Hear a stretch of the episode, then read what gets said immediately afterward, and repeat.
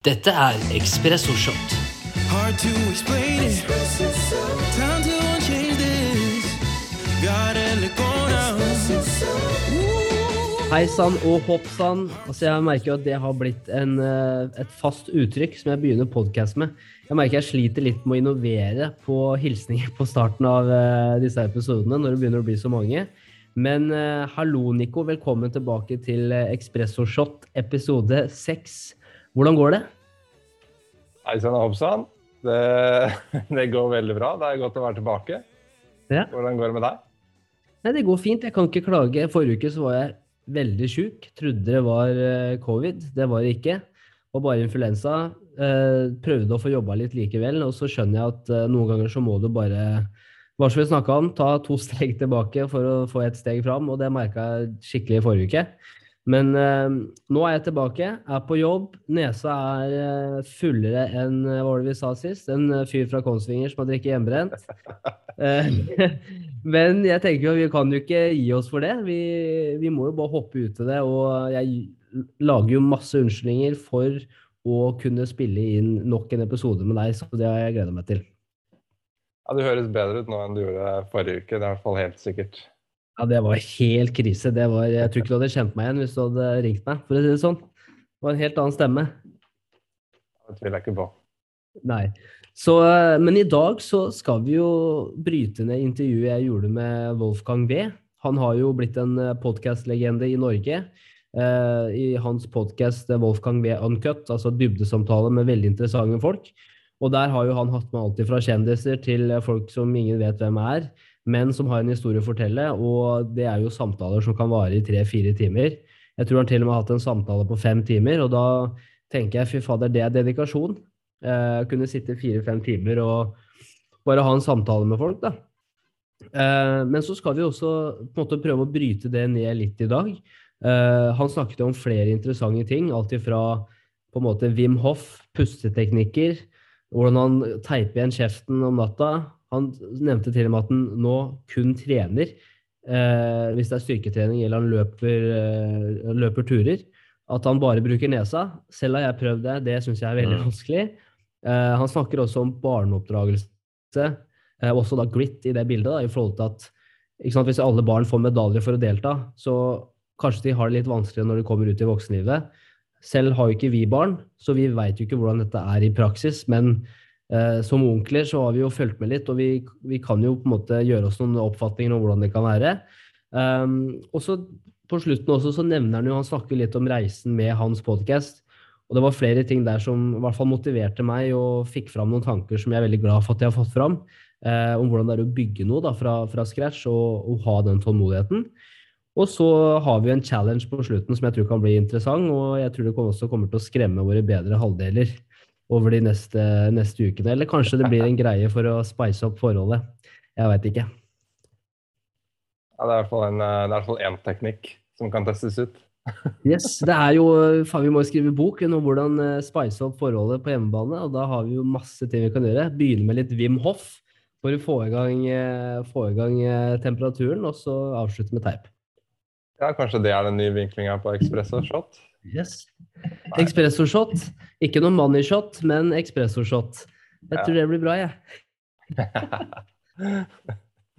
Men eh, hva har vært eh, For vi hadde jo I forrige samtalen vår så var jo et av fokusområdene våre at vi ikke skulle meditere 30 minutter om dagen. Det ble kanskje litt for mye. Men eh, ikke sant, 10-15 minutter. Prøve å bli flinkere til å sette av tid til å ikke gjøre noen verdens ting. Bare være til stede og være bevisst på det som skjer rundt oss. Så hvordan har det gått for deg eh, de siste ukene? Det har gått uh, bra. Det er jo mye enklere å kjøre enn 10 minutter eh, i stedet for en 30 minutter. Så det er litt lettere å bare hive inn der rett før uh, du drar noe sted, eller rett etter du har stått opp. Um, det er lettere å holde kontinuerlig. Så det, det, det funker veldig bra. Um, samtidig så har jeg jo hatt noen Det har vært uh, dager hvor jeg ikke har gjort det. Um, men de fleste dagene så sitter jeg ned 10-15 minutter og mediterer, og det funker jo veldig fint for fokuset mitt og um, stresset. Og, og, og tenke, på, nei, tenke på ting som jeg er nødt til å gjøre. Kanskje bli litt ekstra bekymra rundt ok, nei, nå må jeg gjøre alt det her greiene her og det her. Kanskje ting som ikke jeg ønsker å gjøre. Um, så klarer jeg å liksom trekke det litt tilbake da, bruke, når jeg bruker meditasjon. Da, da blir liksom ikke det så farlig lenger. Det blir litt enklere å prioritere hva som er viktig. Så for meg så er det noe jeg kommer til å kontinuerlig fortsette å jobbe med, for at jeg, jeg ser effekten av det. Så, Ja. Jeg syns 10-15 minutter er veldig fint. Ja. Mm. Hva med deg? Nei, det, det er akkurat det samme her. Jeg merker at jeg får eh, Det spørs litt når jeg gjør det på dagen også, men jeg merker hvis jeg er flink da, til å faktisk sette av tid på morgenen, f.eks. At jeg, hvis jeg står opp eh, og på en måte sant, drikker en halvliter med vann første gang du står opp, går på dass, og så setter man ned i sofaen og bare sitter der i 10-15 minutter, setter på headsetet og på en måte bare fokuserer på pusten. Og noen ganger så må jeg gjøre det med lyd. Andre ganger så blir det bare med noise cancelling, bare for å på en måte prøve å eh, bryte ut all lyd. da. Og så merker jeg liksom når jeg kommer tilbake igjen, da, om du vil, da, så, så er jeg bare jeg er veldig avslappa. Og selv på, på morgenen så tenkte jeg først at ok, hvis jeg gjør det her om morgenen, når jeg er sliten og står opp tidlig, kommer jeg til å sovne igjen, på en måte. Men så har jeg funnet ut at det går faktisk greit så lenge jeg sitter oppreist med rett rygg. Mm. Og ikke sant, 1, 2, 1, 2, fokuserer bare på pusten, så merker jeg at det har faktisk en veldig overraskende effekt da, på hvor fort jeg våkner også, og blir mer til stede. Uh, om kvelden så kan det hende at jeg gjør, eller midt på dagen også, har jeg prøvd litt forskjellig. Hvis jeg f.eks. Noen vil sikkert kalle det en middagslur, det kan også være. Men hvis du bare legger deg ned i 10-15 minutter, og igjen fokuserer på pusten, men i en mer avslappa form, da. At du kanskje til og med sovner. Eh, powernap. Og så har du da, det har jeg også gjort et par ganger, at du har en blyant i hånda. Eller et eller annet som lager lyd, ikke sant. Så at det, det sekundet du mister det i gulvet, så lager det lyd, og så våkner du, og da er du akkurat på det bristepunktet før du går inn i dyp søvn, da. Mm. For måte Hvis du sover noe lenger, da, så kan det bli hardere å stå opp. Så det har jeg sett også funker greit. Og så på kvelden så har det også vært litt i forhold til på en måte mer, mer type med avslappende musikk og lyd. Da. Jeg syns det er veldig digg om kvelden å ha mer Det kan være klassisk musikk, det kan være type sånn yoga-meditasjonsmusikk. Eh, da etter en lang dag da bare bruker det til å koble av. Men som morgenen så er det mye lettere å bruke stillheten, fordi at ikke sant, du har akkurat stått opp, da er det godt med litt stillhet. da. Mm. Så det er mange teknikker du bruker da, for å roe deg ned, om det er på kvelden Yes. eller på morgenen. Ja, det er interessant. Jeg bruker ofte en varm dusj før jeg går, bort, går og legger meg. Det er liksom Ja. sånn. Og du bruker varm dusj, ja. Så du, du går jeg, andre før jeg går og legger meg, og så kald dusj Ja. på morgenen. Ikke sant? Kald dusj er godt. Ja, kald dusj er fantastisk. Det bruker jeg hele tida. Du, du merker Ja. jo at du bare kvikker opp hele kroppen. Det Det snakket det jo om han eh, Yes. Wolfgang om også. Mm. Men det er jo, du nevnte jo også det i forrige episode, var det ikke det? Altså, hva man snakka om på Huberman-podkasten. I forhold til at isbad da, eh, hadde samme oppkvikkende effekt som eh, var det kokain. Ja, han sammenligna um, han sammenligna- kokain med, med kalddusj. Og Ja. det, de hadde forska på det og vist at uh, effekten av kokain versus kalddusj var det samme, men at uh, kalddusj, den effekten varte lenger enn kokain. da. Så etter å ha sniffa Jeg har aldri gjort kokain, men altså hvis det, men, men tydeligvis så går det opp, og så går det ned. Men hvis du har tatt en kalddusj, så holder det lenger. Ja. Før du trenger å liksom ta en ny kalddusj. da. Så det er, det er interessant å høre at den lille, lille tingen som å dusje kaldt, kan liksom gi samme effekt som å å bruke ja, kokain. da. Ja. Er Jeg må jo bare få avbekrefta det med en gang. Jeg har selv ikke tatt noe kokain. Jeg eh, holder meg til kalddusj og bruker det som eh, oppkvikkende middel eh, istedenfor. For å si det sånn. Funker, funker bedre. Funker bedre og holder lenger. Og, men jeg, jeg gjorde det i dag tidlig òg, og det er det er bare noe med det Du bare du våkner, da. Det, er- det er et eller annet med det som bare treffer skikkelig. Om det er mentalt, eller om det faktisk er noe på en måte fysisk som skjer i kroppen også, det, det kan godt hende. Men effekten for meg da føler jeg bare er Jeg våkner mye mer om morgenen og, og, og gjør det også på kvelden faktisk noen ganger hvis jeg trenger å være litt mer våken. Så, så det syns jeg funker kjempebra. Men det var jo interessant i forhold til det med, med Wolfgang, for jeg mener, jeg tror Wolfgang er veldig lik Vi har veldig mye til felles med Wolfgang. og Vi er veldig opptatt av psykologi, menneskelig psykologi, utvikling, prøve Mm. nye ting som gjør at vi kan få mer ut av hverdagen, bli mer effektive, bli mer til stede. Og han nevnte jo også Wim Hoff og pusteteknikker også. ikke sant? Hvis det er noen intervjuobjekter som kommer på podkasten som han gleder seg til, eller gruer seg til intervjuet, hvor han trenger litt mer fokus, så setter han seg ned i en god stol og begynner med litt pusteteknikker eh, fra Mr. Wim Hoff, Mr. Iceman. Har du noen erfaringer med, med altså Wim Hoff-metoden, hvis man skal kalle det det? Ikke noe lang erfaring, men jeg har jo jeg har prøvd ut noen av teknikkene hans, og, og de funker jo veldig bra. og eh, Kjæresten min hun har vært med på en workshop eh, hvor de gjorde mye isbad, og, og de gjorde ikke pusteteknikkene. Så jeg er kjent med det, um, og jeg har prøvd det, og veldig effektivt. Uh, jeg bruker selv litt andre pusteteknikker. Jeg bruker sånn box breathing mye for å roe meg ned før, ting, før prestasjoner og sånt. Hva er det for noe? Det er enkelt, veldig enkelt. Det er rett og slett en box breathing. Så du, du puster inn fire sekunder, og så holder du fire sekunder. Så puster du ut fire sekunder, og så holder du fire sekunder igjen. Så gjør du det for uh, mellom fem og ti minutter. Og det har vist seg da å roe ned, kroppen og nervene ganske dramatisk. Um, så jeg bruker det istedenfor Wim Hof. Men kan det Wim Hof forbedre? Jeg vet ikke. Jeg har ikke satt meg helt inn i det. Men hva er, eh, hva er sånn i forhold til samboeren din nå, da, når du har vært med på en sånn workshop? Eh, For jeg, Mm. Jeg har jo ikke gjort Jeg kan ikke si at jeg har gjort særlig mye Wim Hof. Det har jeg kanskje Jeg tror jeg aldri har gjort det over en lengre periode. da. Så, så hva er egentlig Wim Hof-metoden? Veit du det? I forhold til hva er liksom hvor, mye skal du puste inn, hvor mye skal du puste ut? Liksom, hvordan er det det her funker? Ja, altså Jeg er ikke rette personen til å spørre, men det jeg har fått med meg, da, er at det er eh, du, altså den, Jeg tror den basic teknikken er at du puster inn og ut ganske raskt 30-40 ganger. Um, jeg tror det kan være Du puster inn gjennom nesa, ut gjennom munnen, eller bare munnen. Um, du puster inn ganske dypt, og så puster du ut uten å liksom presse det. da. Så du puster inn Og så gjør du det 30-40 ganger. Og så er teknikken at du skal eh, En teknikk i hvert fall, at du skal holde pusten i et minutt etter at du har gjort den 30-40 sekunderen. Um, og så gjøre den prosessen et par ganger, um, og til det roer han ned. Det, Mm. det er Det, er- det er interessant. egentlig det jeg veit. Ja.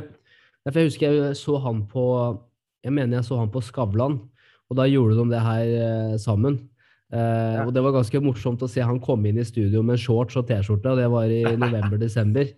Og det er litt sånn Jeg veit ikke også ikke sant, kan, Jeg har jo spurt meg selv, kan mennesker læres eller trenes til å kunne håndtere kulde da, og smerte på den måten som han har blitt uh, eller lært opp til, da, eller som han kan gjøre? Um, så jeg lurer liksom på det spørsmålet om hvor mye her er genetikk, da, versus hvor mye er mindsettet som du kontrollerer, på en måte.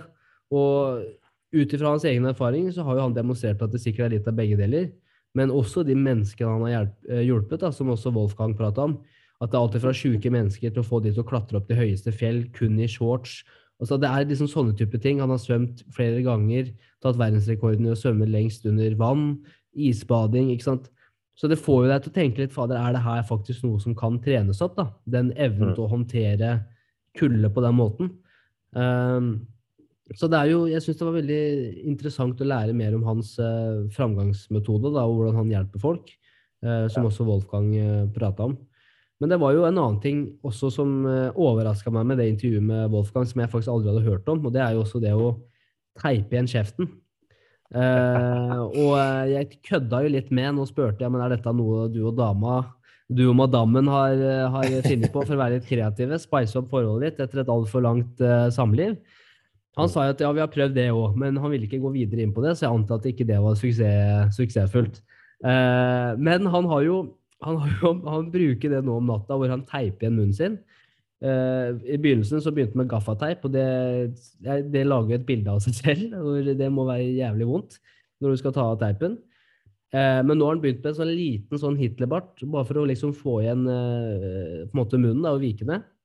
Mm. Og det skal tydeligvis ha en veldig stor effekt på han. Han sa jo til og med at det har kurert fyllesyke. At han har ikke vært fyllesyk på flere måneder på grunn av at han har sovet med, med det, pusta mye mer med nesa, da. Brukt filtre, som er nesa, mye mer. Hva tenker du om det?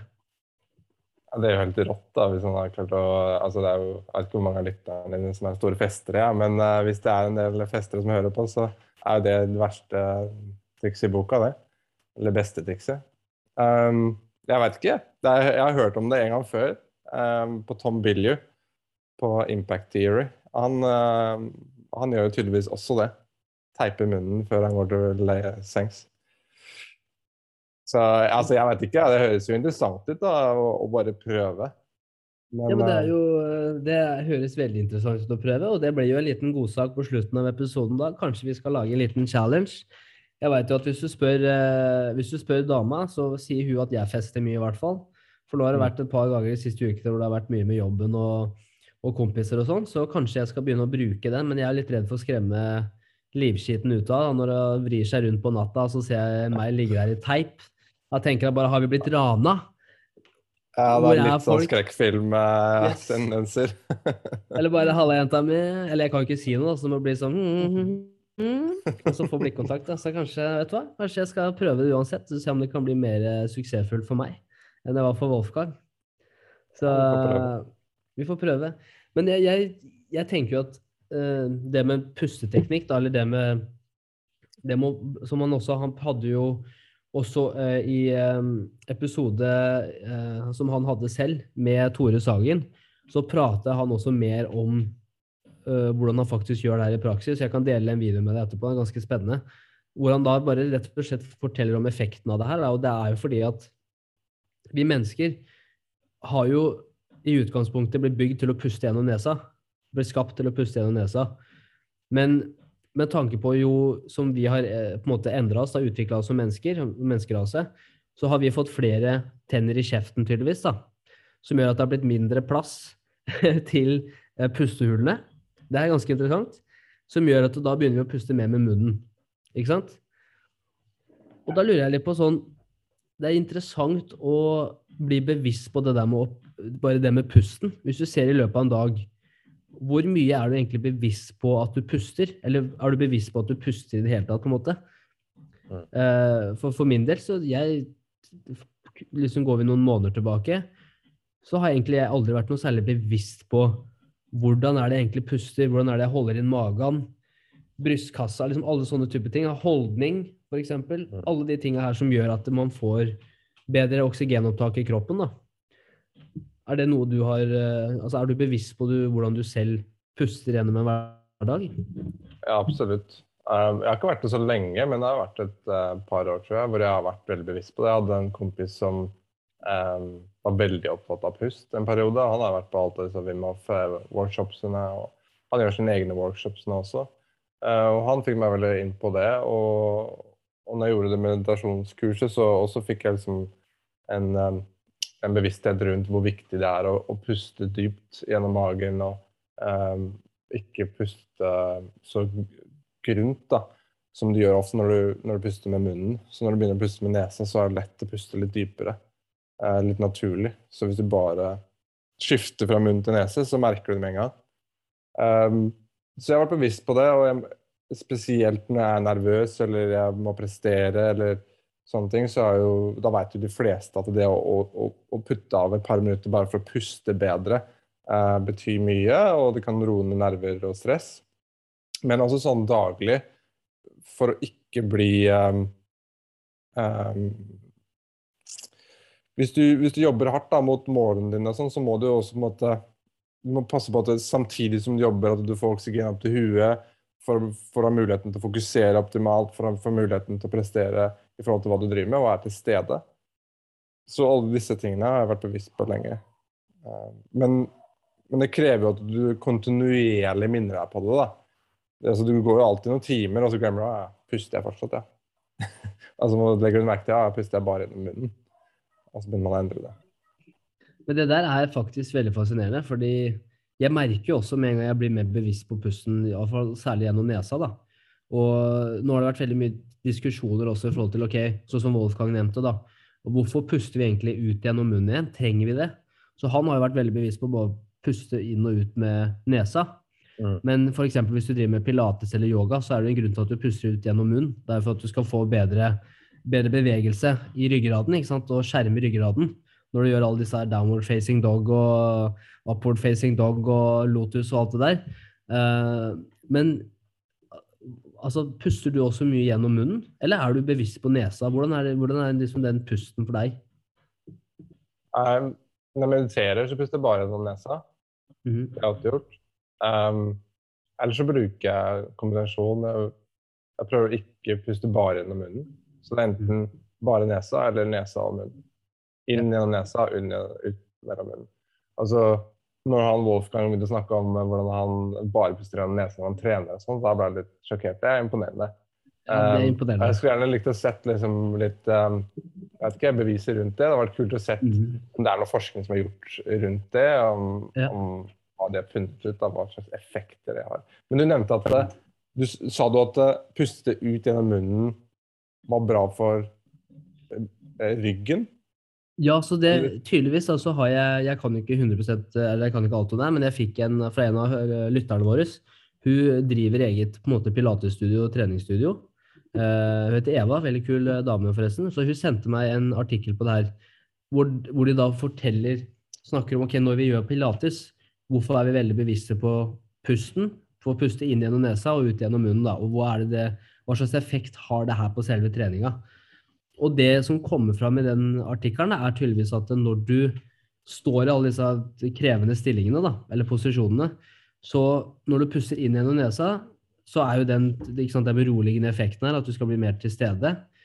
Um, mens når du da uh, puster ut gjennom munnen, da, så åpner, så åpner lungene seg, og så lukker de seg, sånn at du kommer lettere inn i det der, de posisjonene hvor du må faktisk samle deg litt sammen. da. Så, Mer enn du har hadde gjort ikke- hvis du bare pustet igjen nesa. ja, tydeligvis. Tydeligvis. For at du da får, du åpner mer for at du får mer oksygen ut gjennom Ja. munnen. da. Så jeg, så jeg når, du- når, de, når jeg leste, så gir det mening. Men uh, som igjen, da, skal man tro på alt man leser på nettet? Det veit jeg ikke. Men jeg syns det var veldig Shout-out til. Eva. Shout-out. Shout-out. Shout-out som bare rakkeren. Uh, men men uh, en annen ting som også er interessant, da, med i hvert fall det vi har, det vi har gjort nå de siste ukene, når det kommer til eh, meditasjon, er jo å holde ut og gjøre det over en lengre periode. ikke sant? Sette av tid til det og faktisk eh, prioritere det også. Og 30 minutter blir vanskelig en hektisk hverdag. Men eh, en annen ting som også er veldig fascinerende, er vi, vi har jo ikke barn sjøl, men vi er jo vi er jo onkler, vi har vært eh, vitne til eh, sant, familie som vokser opp, og vi har jo også merka hvordan det er å oppdra barn i 2021 kontra hvordan det var når vi vokste opp på 90-tallet, f.eks. Og ja, vi er ikke gamle, gamle gutta, men det er jo fortsatt Når du sier 90-tallet, så høres det Det høres gammelt ut. Fy er fader. Ja, vi er jo halvveis til 50 nå, så det her blir jo Ja, uffa meg. Men det er en annen Ja, på 90-tallet så var det andre tider, ja. Det var bedre før. Det var bedre på 90-tallet når vi kunne leke Ninja Turtles og ikke måtte leke på TikTok. Ikke sant? Det var Det bedre var tidligere, det, Henrik. Å, herregud. Da vi satt og kjeda oss og spiste vestlandslefse med sukker og smør uten at vi måtte tenke på sånne influensere. Ja, det, men det er faktisk. Det var en drøm. Men eh, det Wolfgang også prata om, var jo, var jo i forhold til hvordan er det å oppdra barn i 2021. Og eh, veldig mange foreldre har den frykten for å gjøre ting feil, ikke sant. Og når han fortalte da om Jeg merker jo, jeg kjenner jo på den frykten sjæl. Og når det kommer til å oppdra barn, ikke sant, så er det veldig lett å bare gi dem den iPaden. Det er veldig lett å bare ikke sant, være rund i kanta og gi dem det de vil ha. Rett og slett gi alle medaljer for å delta. Eh, men så nevnte han også litt at det kan bli, skape litt utfordringer da, når de blir, eh, kommer ut i voksenlivet, og når de er vant til å få det de vil hele tida. Eh, Et eksempel er jo også hvis man vrir litt på det med f.eks. marshmallow-testen nå. at eh, Er du flink til å gi rammer til barna dine, da, til å vise at du må jobbe for ting, at det er konsekvenser av handlinger, så mente han også at det er en effekt mellom på en måte det og den evnen til å kunne framskyne, da, eller kunne utsette glede, da. eh, tilfredshet. Så men jeg tror mye av det handler også om grit, ikke sant? Med Angela Duckworth as well, ikke sant? Psykologen som, som har kommet med dette begrepet. Og eh, først og fremst, grit. Hva er din oppfatning av, eh, av det ordet? Definisjonen er jo passion og perseverance for long term goals. Um, og ja, det er jo hennes definisjon på det. Men det handler jo om, å, det, handler om det her å, å um, ikke bare være entusiastisk en liten periode, men å, å holde ut over tid. Eh, spesielt når du går mot drømmer og mål som du ønsker å oppnå. Så um, liksom som dere snakket om i podkasten også, det med at han har holdt ut med podkasten i et par år, at det, var, at det var det som skulle til, da. Som du eh snakket om, at uh, det er kult å se at han sier at det tar to-tre år før podkasten tar form. Uh, og det vil jeg jo si at det er grit. Uh, det vil jeg kalle grit uh, et eksempel på det. Um, og Angela argumenterer jo for at grit er på en måte liksom fundamentet for enhver måloppnåelse, da, hvis, spesielt hvis det er en langsiktig mål. Um, så ja, det er egentlig min oppfattelse. Det at du må holde ut over tid. Også med litt lidenskap. da. At ikke det er bare sånn ja, jeg bare holder ut, men at det er en lidenskap rundt det. Ja. Mm. Hva med deg? Hva, tenker, hva, tenker, du når du hører Grit? Jeg blir jo litt sånn eh, hva skal man si, betatt av den tanken om at så lenge du jobber hardt over en lengre periode, og du har lidenskap for noe, så kommer det til å lønne seg. Altså den, der, den tanken på det jeg gjør nå, bare vent og se, det kommer til å lønne seg. Kanskje ikke i morgen, men kanskje om eh, fem år, kanskje om ti år. ikke sant? Mm. Og det er veldig vanskelig også en hektisk hverdag å hele tida kunne se det for seg ti år fram i tid, for vi vet jo at ting endrer seg hele tida. Så veldig mye av det med grit også handler jo om evnen til å kunne tilpasse seg også. At du fortsatt jobber mot målet, men det er flere veier dit. da, Og du ser at veien endrer seg mens man går, da, og igjen hele tida minne seg selv på ok, hvorfor gjør jeg det her? Det kommer til å lønne seg. Og så får jeg litt sånne assosiasjoner til uh, 10, 10 000 timersregelen nå. ikke sant? At hvis du gjør noe 10 000 timer, så blir du en ekspert. Da blir du veldig god på noe. Uh, og vi har jo flere eksempler på det med idrettsprestasjoner. Vi har forretningsfolk, gründere, det ene og det andre. Men så er det også en annen ting også, som jeg tror folk ikke prater så veldig høyt om. Og det er jo også Du må ha litt flaks mm. på veien. Og selvfølgelig, jo mer du jobber, jo smartere du jobber, så mer flaks får du. Men jeg tror også det er veldig mye med timing. Og at liksom jeg tror flaks er veldig undervurdert da, i et samfunn som, som vi lever i. Jeg tror, jeg tror, med mye flaks så kommer du langt på vei, og du får et forsprang. da. Mm. Som også sikkert gjør det da lettere å holde ut. Uh, men jeg vet ikke litt Men du kan, hva, men du kan, ikke, kan, du kan, ikke, kontrollere flaks, da, det som er greia. Så det er sånn ja, du, yes. håper på at det, du håper på at du, blir, at du ikke, får flaks på veien, men uh, du kan ikke kontrollere det, så det er ikke noe penger å fokusere på det. Um, ja. Og så kommer jeg litt som mentaltreneren din her, da, for jeg tenker, når du sa det 10 000-regelen, så tenker jeg uh, Det er noe som Det er, liksom, det er en liten myte ut, ut, ut, uh, i samfunnet at man må jobbe 10 000 timer for å få det til. Um, jeg har jo lest, jeg vet ikke om du har lest han Anders Eriksens bok som heter 'Peak'? Anders Eriksen, hvem er det? Han er en eh, svensk psykolog. Han døde faktisk eh, for en måned siden eller to. Eh, ah, ja. Veldig kjent, anerkjent psykolog. Kult. Han uh, introduserte jo uh, oss til uh, noe som han kalte 'deliberate practice'. Mm. Og um, i boka hans Han var jo, han var jo psykologen som kom opp med 10 000 10 eh, 000 timers Da må jeg vite hvem han er når jeg driver og siterer 10 000 timer. Men det, som, men det som var gøy, var at uh, han, han, kom opp med det, med det den, Hva kaller man det? Begrepet? Uh, den, den regelen, begrepet. Ja. Og så kommer det en annen uh, forfatter som skriver en annen bok. det var Malcolm Gladwell. Malcolm Gladwell, ja. Han, ja. Gjorde, det, han gjorde jo den begrepet altså, Han populariserte jo det begrepet. Så da gikk jo folk rundt og begynte å fortelle om ja, du må jobbe 10 000 timer, du må jobbe 10 000 timer, du må jobbe 10 000 timer. Men det som var problemet, var at han hadde mistolka Anders Eriksens eh, forskning. Eh, hva Anders Eriksen egentlig mente å si, at du må ha 10 000 timer, rundt 10 000 timer. Så det var, han hadde tatt eksempler fra 2000, nei, 3000 timer eller noe sånt, opp til 20 000 timer. Altså var det var et gjennomsnitt? Ja, gjennomsnittet var 10 000. Um, også for det andre så må det være 10 000 kvalitetstimer. Det er der han kommer inn med noe som han kaller deliberate practice. da. Ja. Og det er liksom det er gullstandarden i forhold til hvordan du skal trene på ting. Mm. Så jeg måtte, jeg måtte bare litt... bare, ja. ja. men den er fin, den er fin, det liker jeg. Uh, for det gir også veldig, veldig, mening i forhold til det intervjuet vi hadde med Eller det vi, den Express Shot uh, igjen med Håvard Tvetten. eller episoden to, hvor han også snakka om Går du på trening for å trene, eller går du på trening for å bli trent? Yes. Ikke sant? Er du bevisst på det du skal gjøre i dag? Er du bevisst på handlingene? Er du bevisst på hva det her Og det henger jo veldig sammen med, med deliberate practice òg.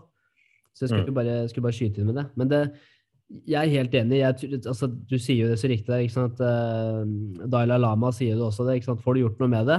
Herlig, ikke tenk på det. Får du ikke gjort noe med det? Nei, da er det ikke vits å tenke på det i det hele tatt. Og det er litt den samme, samme med den flaksen her. ikke sant? At ok, Mm. Får du flaks, kjempebra. Da skal du sørge for at du gjør mest mulig ut av den flaksen. da. Eller den Mm. timingen når den dukker opp. Og så er det sånn at hardtarbeidende folk har mer flaks, da. Er Ja. ikke det man sier? Jo, og det, det tror jeg faen meg på, faktisk. At hvis du legger inn timene, hvis du er veldig bevisst på handlingene du gjør, og hvor du ønsker å gå ikke sant? Vi snakka litt om det, at en båt som ikke har noen retning, er bare en båt på havet. Og det er litt det samme her. ikke sant? At Hvis du ikke er bevisst på hvor du skal hen, så bare flyter du fra et sted til en annet. da. Um, så jeg, jeg tror veldig på grit. Jeg tror veldig på det å kunne tenke langsiktig på ting. Og det gjelder jo selvfølgelig hvordan man oppdrar barn, og forteller Yes. barn om viktigheten av å uh, på en måte belønne de for innsatsen de legger inn, framfor resultatet. ikke sant? For å bygge den, Mm. den sunne mentaliteten. Um, med å tanke, det er jo akkurat det jeg snakker om. Jo, Ikke sant? Det er jo Mm. spot on. Um, men så er det den andre tingen òg, bare for å referere det til det siste han nevnte, eller Wolfgang, på podcasten, som også motiverte meg skikkelig, da, som, som gjorde at jeg ble veldig glad. Det er jo fordi at jeg, sant, Vi driver jo den podcasten her også, så vi har jo noen tanker om det. Uh, men da han begynte å snakke om uh, liksom holde ut, det er det første. Ikke se på tall i begynnelsen. Det må jeg også lære litt av. Og ta med folk du syns er interessante, ikke bare fordi de har en svær følgerskare på sosiale medier. Mm. Og la oss begynne med det første, da, det å ikke gi opp. Han sa selv sant, at du må i hvert fall drive to-tre år for å begynne å få litt fotfeste. Og det er jo basert på hans egen erfaring. Han drev, har jo drevet med podkasten siden begynnelsen i 2019. Men det er først det siste ett og et halvt året hvor han har fått skikkelig fotfeste. Uh, så han nevnte jo også litt i forhold til at folk gir seg altfor lett. da. At eh, du vet at 90% av de som begynner å starte podcaster, de gir seg fordi at eller de gir seg etter seks måneder for at ikke de får de resultatene de ønsker å ha. Det, det her kan man jo dra parallelt til alt mulig annet i livet òg.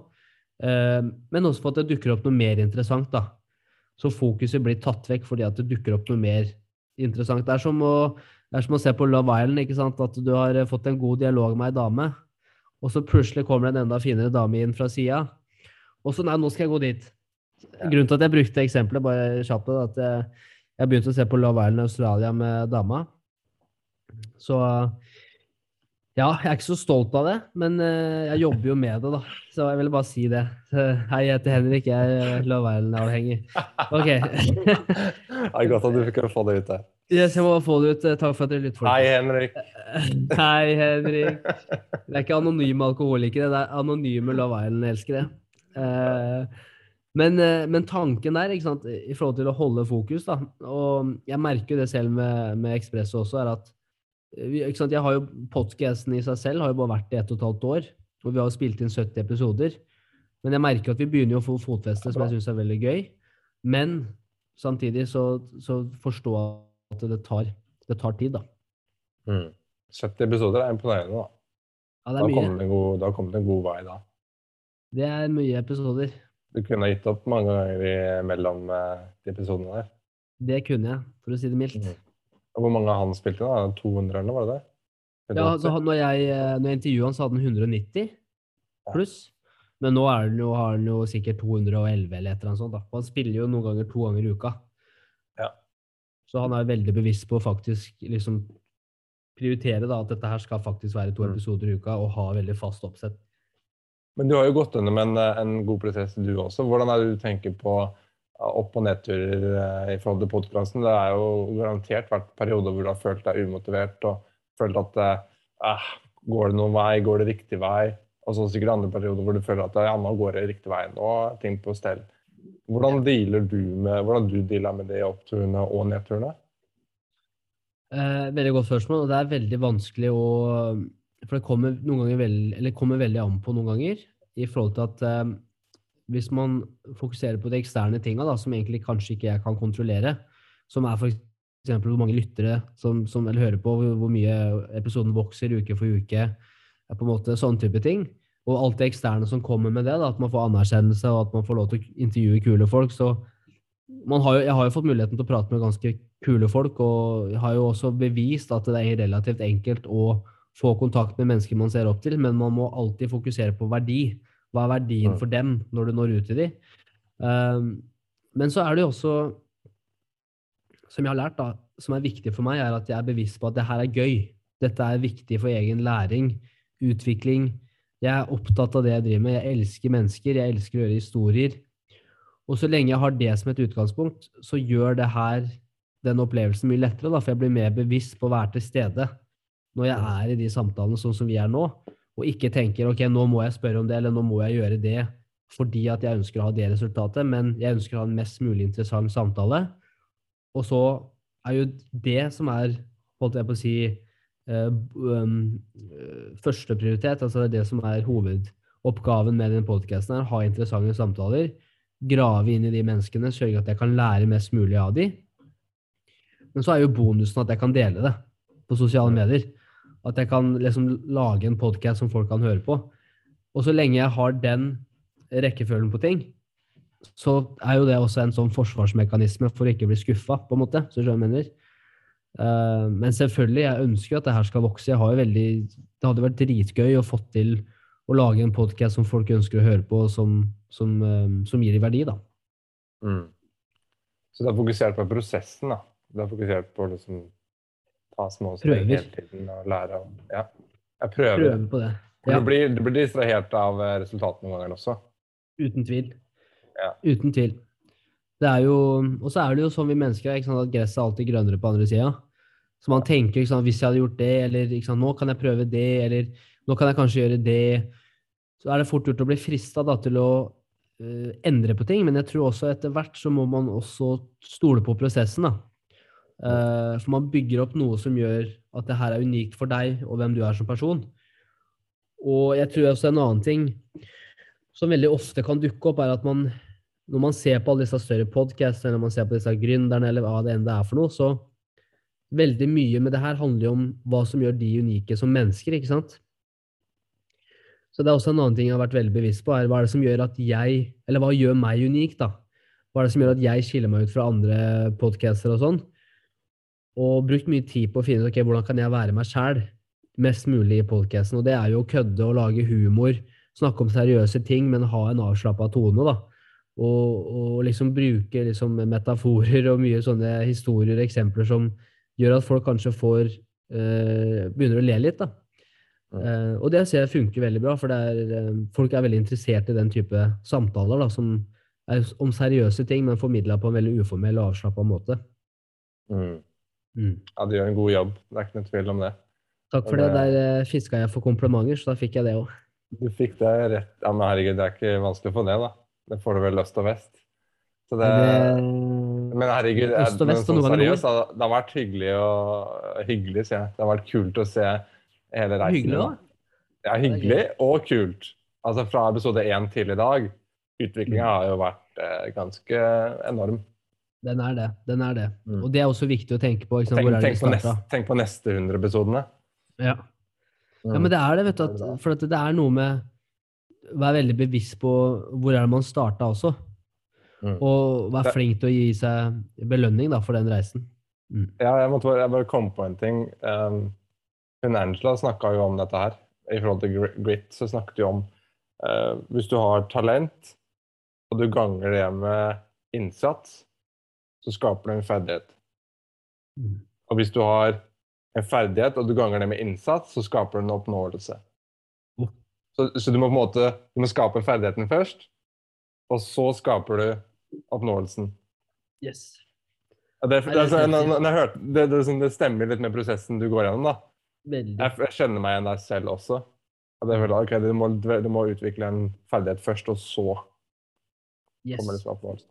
Mm. Det, treffer. Det, det, treffer. Det tar tid.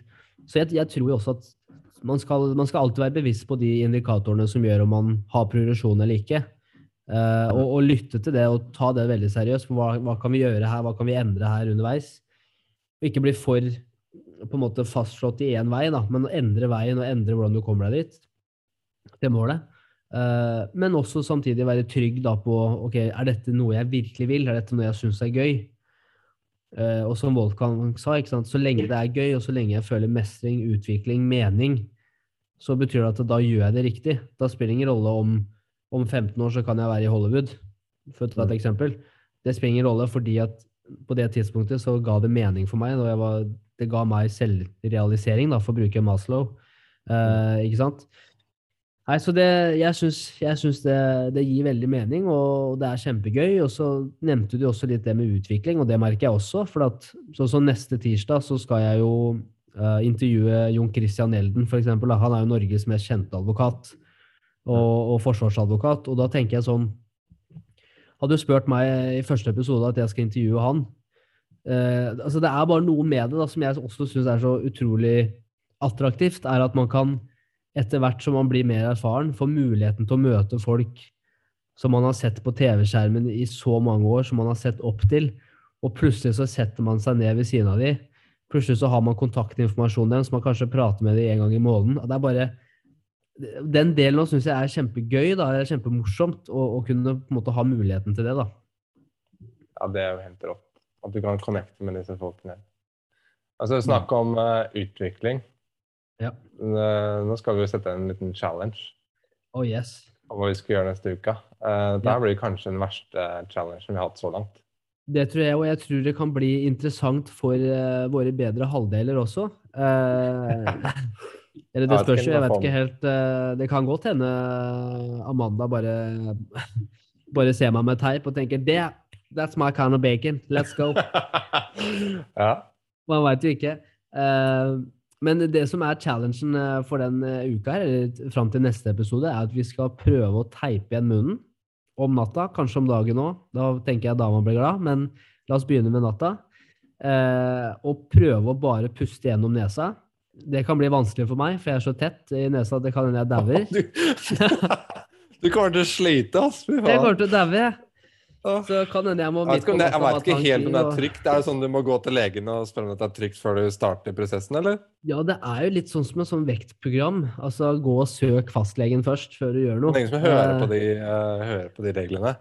Det er faen meg sant. Jeg Men tenker altså, vi gønner på. for, for, for alle lytterne våre, så, så må vi jo høre Ja. si det. Du må jo gi en liten sånn forsikrings...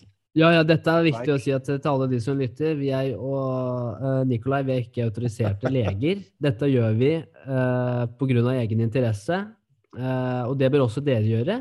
Og vi ønsker ikke å holde oss ansvarlig hvis dere ikke står opp uh, dagen etterpå. Tenkte jeg bare skulle si det. Ganske Hør deg med legen før du starter. Få høre deg med legen før du gjør ting. Eh, Dette er et eh, eksperiment utført av eksperter. Så tenker jeg, da bare sier vi det. Men da er challengen at vi skal teipe igjen munnen om eh, natta for å puste gjennom nesa i håp om å få bedre oksygenopptak og filtrere ut dårlig luft for at vi kan bli bedre til stede i hverdagen og mer effektive. Var det en bra oppsummering? Ja. Jeg gruer meg. Eh, Jo, jeg gruer meg skikkelig. Så da, da sier vi bare Jeg, gruer, jeg merker, jeg merker faktisk jeg gruer meg. Her, Ja, jeg jeg gruer meg til å gå til sengs. Jo, det er eh, første gangen jeg har gjort det. For jeg har- sånn. Am I right? Ja. Neida, bare tydelig. Fader, altså. Jeg tror, jeg tror faktisk jeg har bare gaffateip. Jeg. jeg tror jeg må starte med det. Da får du begynne med gaffateip. Eh, ta skjegget først, så du ikke får river av hele manndommen. Og Ja. så, og så ses vi til neste Ekspressforshot, eh, episode sju. Og jeg gleder meg til å høre Ja, forhåpentligvis. Eh, og jeg gleder meg til å høre din erfaring med det, Nico. Så da sier jeg bare én ting. Vi gønner på. Og eh, for de som ikke har hørt episoden med Wolfgang, så kan dere da finne den i podkastlista, episode 70. Så ha en fin kveld, eh, Nico i Down Under, Golden Coast, Australia. Og så ses vi snart igjen. Vi ses snart.